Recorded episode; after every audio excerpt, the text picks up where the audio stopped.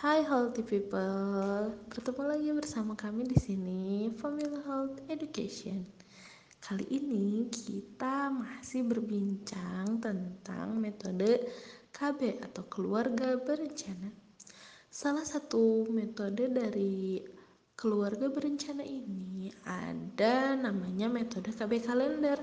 Sudah tahukah? Jika belum, boleh disimak ya. Sebelumnya sudah dibahas mengenai keuntungan dari metode KB kalender.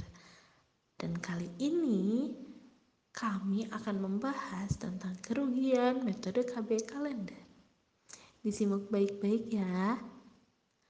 Satu, memerlukan kerjasama yang baik antara suami dan juga istri.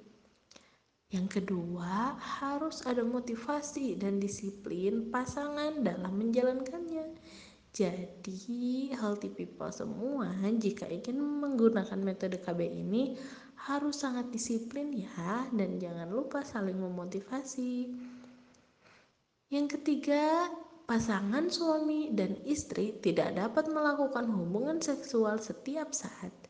Jadi harus tepat pada jadwalnya ya. Jangan sampai kebobolan. Yang keempat, pasangan suami dan istri harus tahu nih masa subur dan masa tidak subur. Yang kelima, istri harus mengamati siklus menstruasi selama enam siklus. Jadi bisa menentukan nih kapan masa subur dan kapan juga masa tidak subur. Selanjutnya,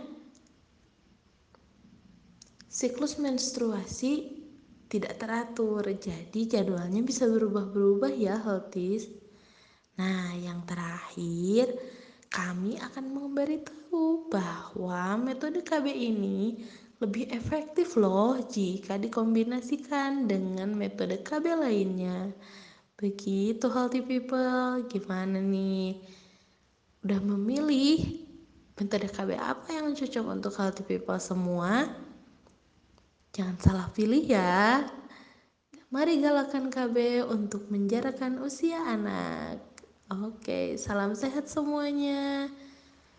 Tetap stay tune di kami ya dan nantikan info-info dari Family Health Education selanjutnya. Bye bye.